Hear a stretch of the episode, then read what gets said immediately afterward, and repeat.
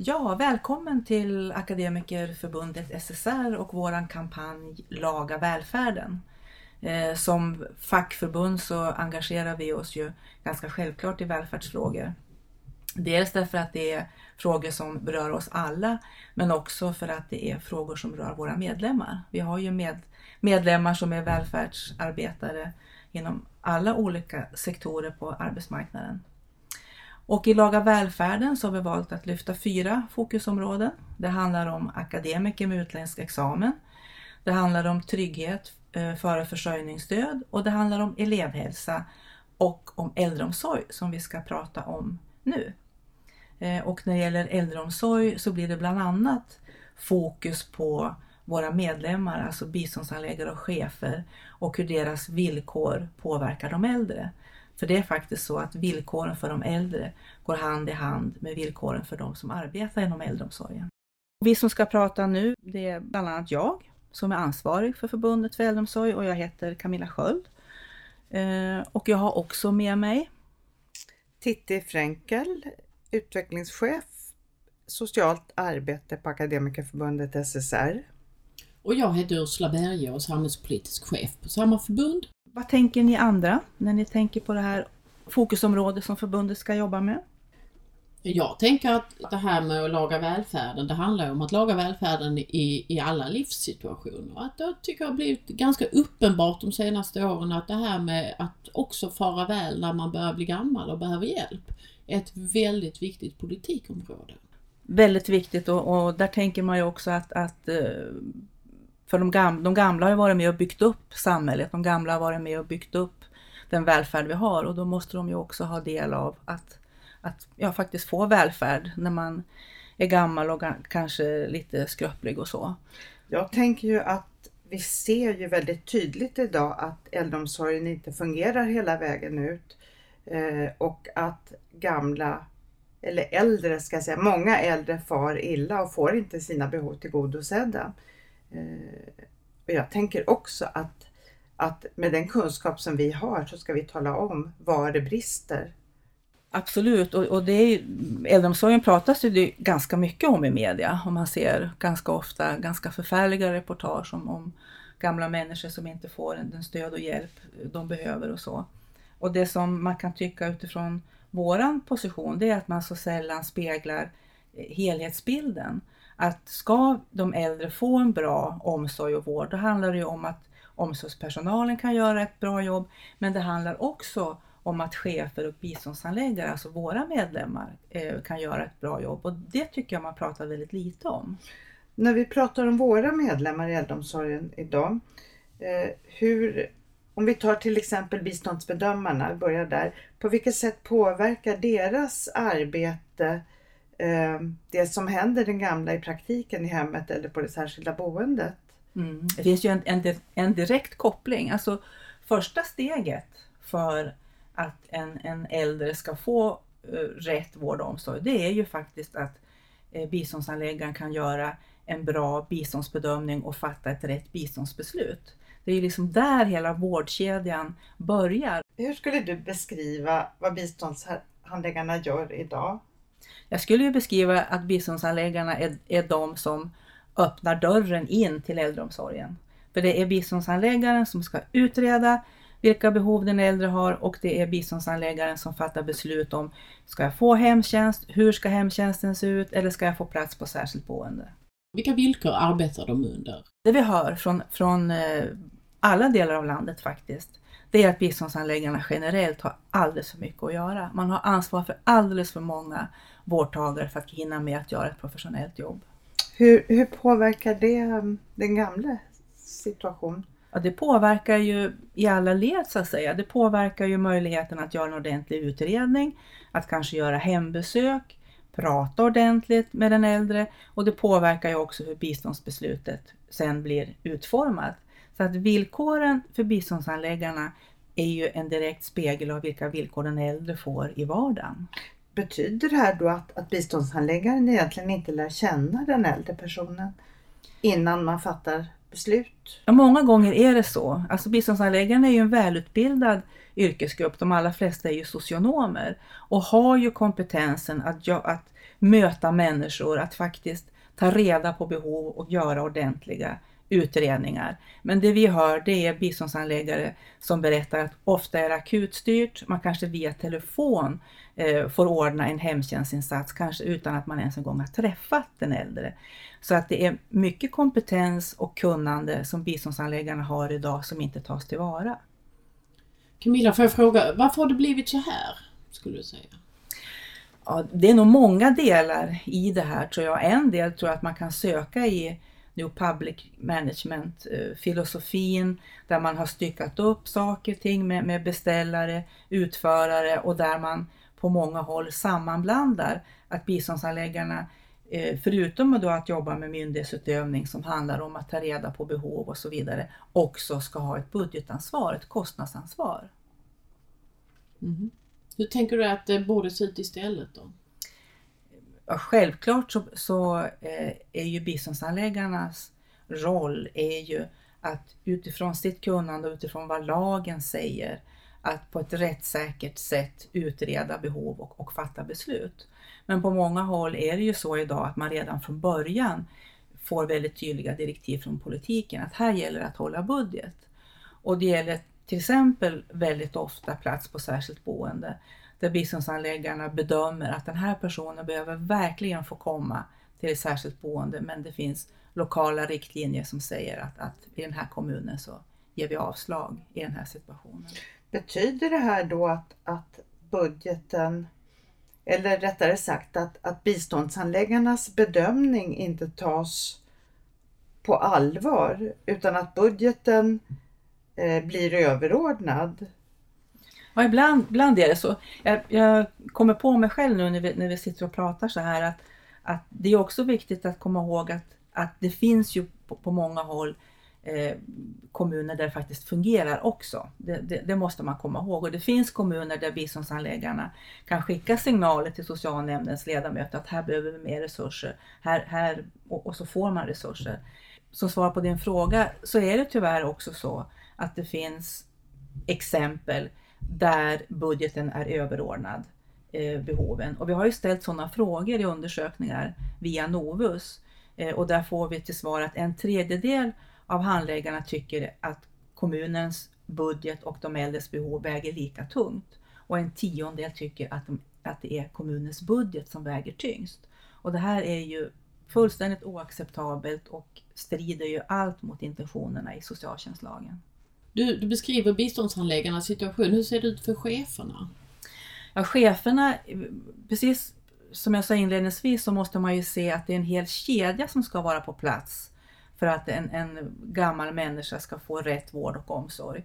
Eh, det handlar ju om att utreda, det handlar om att bedöma, det handlar ju också om att ge själva vården och i alla de här lederna, leden så behöver man ju ha ett fungerande ledarskap det, det är ledarskapet är ju som en sorts infrastruktur. Och där eh, finns det också mycket för politiken att ta tag i. Inte minst att när det gäller på omsorgssidan, att cheferna där har alldeles för många medarbetare för att kunna hinna med att göra ett bra jobb. Hur många medarbetare har en chef i äldreomsorgen i snitt idag? Vet du det? I snitt vet jag inte, men det varierar väldigt mycket. Eh, och det man brukar säga är att ett bra ledarskap eh, kräver max 25 till 30 medarbetare. Men det handlar också om andra saker, eh, till exempel att eh, om man är chef på ett äldreboende och har många undersköterskor, då ligger schemana ofta så tajt så att det finns till exempel inte utrymme för mig som chef att ha ett personalmöte där jag träffar alla undersköterskor och där vi kan diskutera etiska frågeställningar eller kanske jobba med metodutveckling eller uppföljning eller utvärdering eller så, utan det är så tajt och undersköterskornas arbetstid är fylld av eh, ja, att vara ute på tillsammans med de äldre. Men man måste också ha eh, tid och utrymme till att utveckla verksamheten och tid för reflektion. Och det, det saknas idag. Jag kom att tänka på en helt annan fråga och det handlar ju om äldres hälsa och ohälsa som vi inte har pratat om. Um, vi vet ju att väldigt många mår psykiskt dåligt idag. Man är ensam. Fler äldre har depressioner idag än vad man haft tidigare. Eh, hinner våra medlemmar i äldrevården möta de här behoven på något sätt?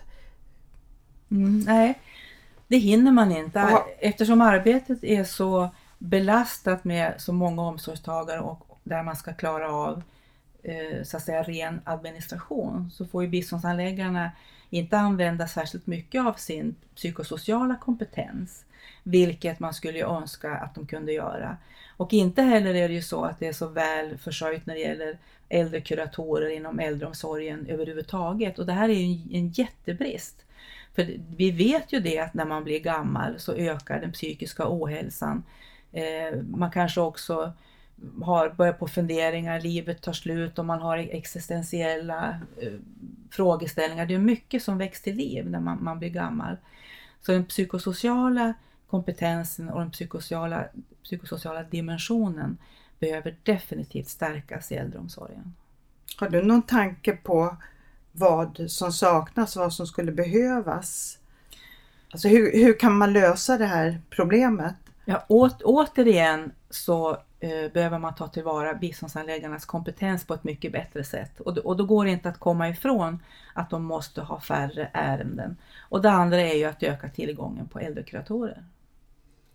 Eh, Camilla, en fråga jag tänkte ställa är, om man tittar på den politiska debatten runt äldreomsorg så handlar väldigt mycket om själva vårdsituationen. Men du talar ju om biståndsanläggarna. Varför syns inte de i debatten och, och i den politiska diskussionen Mm. överhuvudtaget? Jag tror att det är flera orsaker. Det ena är ju såklart att det är ju faktiskt i situationen när undersköterskan möter den äldre, det är ju då vården görs så att säga. Det är ju det, är det, är det liksom alltihop handlar om.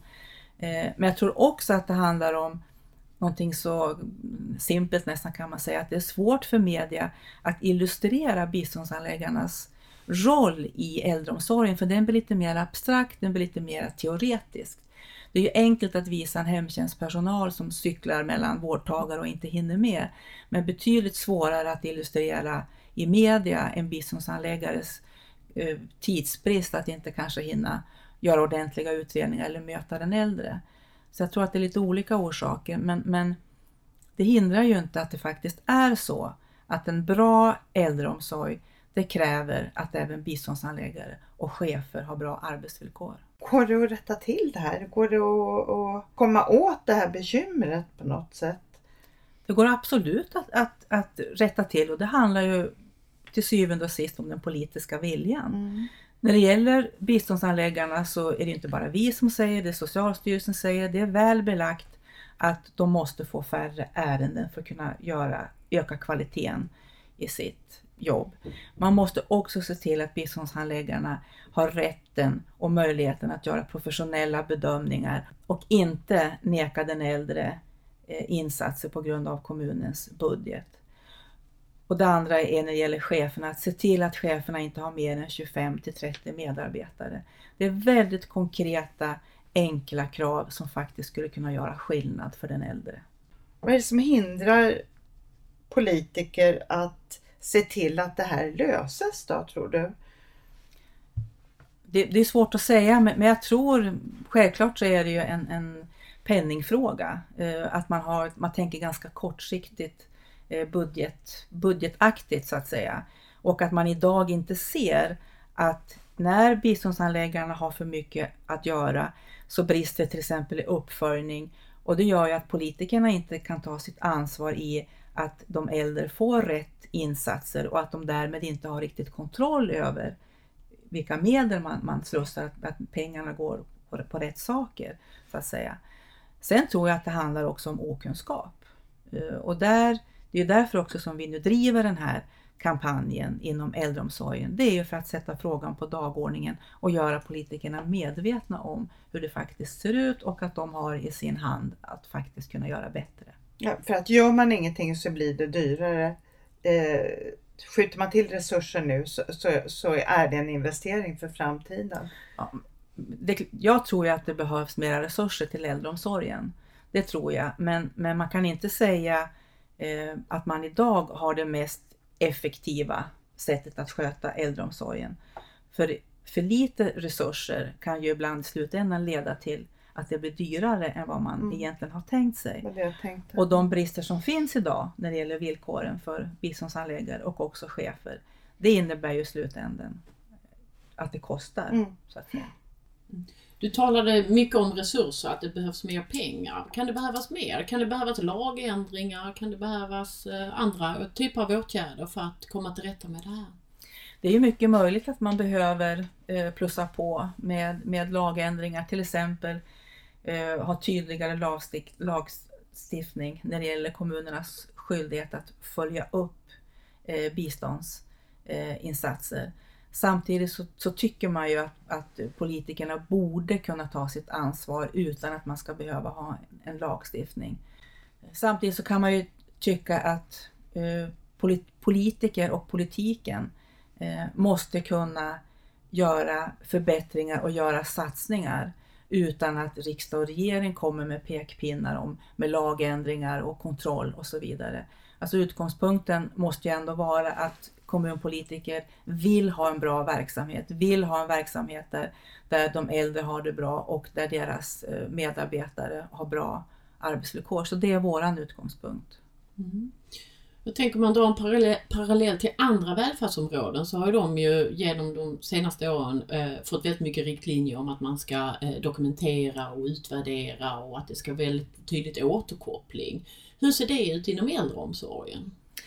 Eh, det är samma där, rent allmänt att eh, kontrollen har ökat, inte minst genom att det finns flera eh, utförare nu, att man har alternativa utförare. Kommunen har inte alltid egen regi, vilket gör att kommunerna ju måste kontrollera eh, olika alternativa utförare. Eh, byråkratin har också ökat och en stor, större och större andel av biståndsanläggarnas tid går ju åt till olika eh, dokumentationssystem, eh, olika statistik, eh, noteringar och så vidare och så vidare. Mycket administration. Och det här är väl också en sak som politikerna bör titta i sin, hur ser det ut just i våran kommun? Har handläggarna här administrativt stöd eller har vi eh, välutbildade socionomer som sitter och gör fakturagranskningar, sit, sitter och kollar räkningar och så vidare och så vidare. Så där finns också en viktig sak för politiken att titta på. Skulle du säga idag att systemet, eh, att vi vet ganska mycket om hur olika åtgärder fungerar för äldre och att, eh, hur de, att de utvärderas på ett adekvat sätt? Ja, det, det är svårt att säga. Alltså man vet ju vissa grundläggande saker som att äldre är i behov av trygghet, eh, hur viktigt det är med kontinuitet eh, och sådana saker. Och det har man ju inte lyckats organisera. Eh, men då är man ju mer inne på omsorgspersonalen, att det är, att det är så svårt att få till system där den äldre inte ska behöva möta flera, flera, flera olika människor som kommer från, hem, från hemtjänstpersonalen till exempel. Så att det finns ju mycket forskning, menar jag, som man inte riktigt tar fasta på. Eh, och, och där finns det ju exempel i landet där man har satt den äldre i centrum och den äldres behov och organiserat till exempel hemtjänsten utifrån det och lyckas på ett väldigt bra sätt. Och det som man också kan konstatera vid- vid de här försöken det är att det behöver inte bli dyrare utan ibland handlar det om tänkesätt, tankesätt. Att sätta den äldre i centrum. Vad är det han, han eller hon behöver? Och hur vill de att det ska organiseras? Där, där har man, skulle man kunna komma en bra bit på väg. Och hur skulle man kunna rigga en sån struktur där ett sånt erfarenhetsutbyte kan göras mellan olika äldre, olika kommuner och olika myndigheter? Ja, man, man jobbar ju med det. Man försöker ju ha, Socialstyrelsen eh, försöker ju bygga upp en kunskapsportal där man ska kunna gå in. Men, men min känsla ändå är nog att det är ganska uppsplittrat eh, och att man kanske inte är så bra på att ta tillvara eh, varandras erfarenheter. Det är väl också så, tänker jag, att, att det finns eh, att det saknas strukturer för att ta tillvara de här erfarenheterna, alltså forskningens erfarenheter också, så att det är ett glapp mellan forskning och den praktiska verksamheten. Ehm, Ja, jo, men det stämmer. Alltså, det, jag, det och jag finns ju- tänker ja. att, att, nej, bara att, att om man fick ett önskescenario var ju att även inom äldreomsorgen att det finns, finns att det skulle finnas personer där som har som uppdrag att föra in ny forskning, alltså att, att, att närma forskningen till praktiken. Mm, absolut, och där, där tror jag att det finns ju mer eh, forsk, alltså omsorgsforskning eh, än vad det finns när det gäller eh, det som biståndsanläggarna eh, hanterar. Eh, så det, det absolut har man mycket att göra där. En annan del är ju också att biståndsanläggarna har ju också mycket kunskap om hur det ser ut i den egna kommunen, alltså rent generellt. Eh, där de skulle kunna eh, ge underlag till politiken att i den här kommunen så har de äldre den här situationen, de stöter på de här problemen. Alltså lyfta saker till en lite mer strukturell nivå. Vilket ju också står i socialtjänstlagen att man ska göra. Men som är ett väldigt outvecklat område och en, en stor potential som finns hos socionomerna och hos biståndsanläggarna. Jag tänkte vi talat mycket här om att politiken har ett ansvar att prioritera de här frågorna. Men vad kan man göra, den som lyssnar på den här podcasten och kanske är biståndshandläggare, vad skulle den personen kunna göra i den här frågan? Jag tycker att man ska gå ner på, på lokal nivå. Eh, jag tycker man kan använda den studie, de studier som vi har gjort, undersökningar, eh, som visar på hur situationen ser ut för biståndsanläggare och vilka konsekvenser det får för de äldre och applicera det på den egna kommunen. Och låta kommunpolitikerna, eller avkräva av dem, att de ställer frågor till biståndsanläggarna. Hur har biståndsanläggarna det i våran kommun? Hur många ärenden har ni? Hinner ni med att göra utredningar? Hinner ni med att göra uppföljningar? Hur ser det ut för cheferna? Har ni förutsättningar att, att stötta medarbetarna till att utföra ett bra arbete? Det är egentligen inga konstigheter utan det handlar om att, att sätta ljus på de här frågeställningarna så tror jag att man kan komma väldigt, väldigt långt. Ja, om man är kommunpolitiker och arbetar med de här frågorna, vad skulle man göra imorgon för att verkligen eh, komma närmare dina lösningar på de här problemen? Jag tycker att man skulle besöka socialkontoret, träffa en grupp biståndsanläggare, sätta sig ner och, och prata ordentligt med dem och fråga Eh, hur arbetsbelastningen ser ut, hur många ärenden har de, eh, hur tycker de att äldreomsorgen fungerar, vad tycker de behöver göras för en bättre äldrevård. Jag tycker de ska göra samma med cheferna, sätta sig ner med cheferna och prata i lugn och ro om deras, om deras ar arbetsvillkor.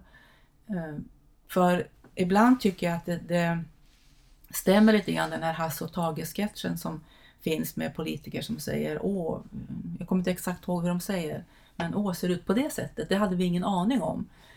Det är min erfarenhet att ibland är det så att politiker behöver, man behöver sätta dem ner i en stol och att i lugn och ro tala om hur det är. För man ska också komma ihåg att många politiker är ju fritidspolitiker och har mycket annat i huvudet. Man, man kommer in på något sammanträde och det är mycket handlingar. Det är inte heller så enkelt för en lokalpolitiker att kanske greppa olika problem. Ehm, så att, att möta politiker och att i lugn och ro beskriva situationen, det tror jag är liksom steg ett i receptet för att laga äldreomsorgen. Nu börjar tiden dra ifrån och det här programmet börjar närma sig sitt slut. Jag tycker att vi har haft bra diskussioner och fått ny inspiration till hur vi ska eh, fortsätta jobba med de här frågorna. Tusen tack Camilla för att du har svarat på våra frågor och tack Ursula. Och tack Titti för goda frågor om äldreomsorgen. Det här var ett av avsnitten i våra fyra fokusområden i podcastversion. Lyssna gärna vidare på andra avsnitt som handlar om akademiker med utländsk examen, elevhälsa och trygghetssystemen före försörjningsstöd.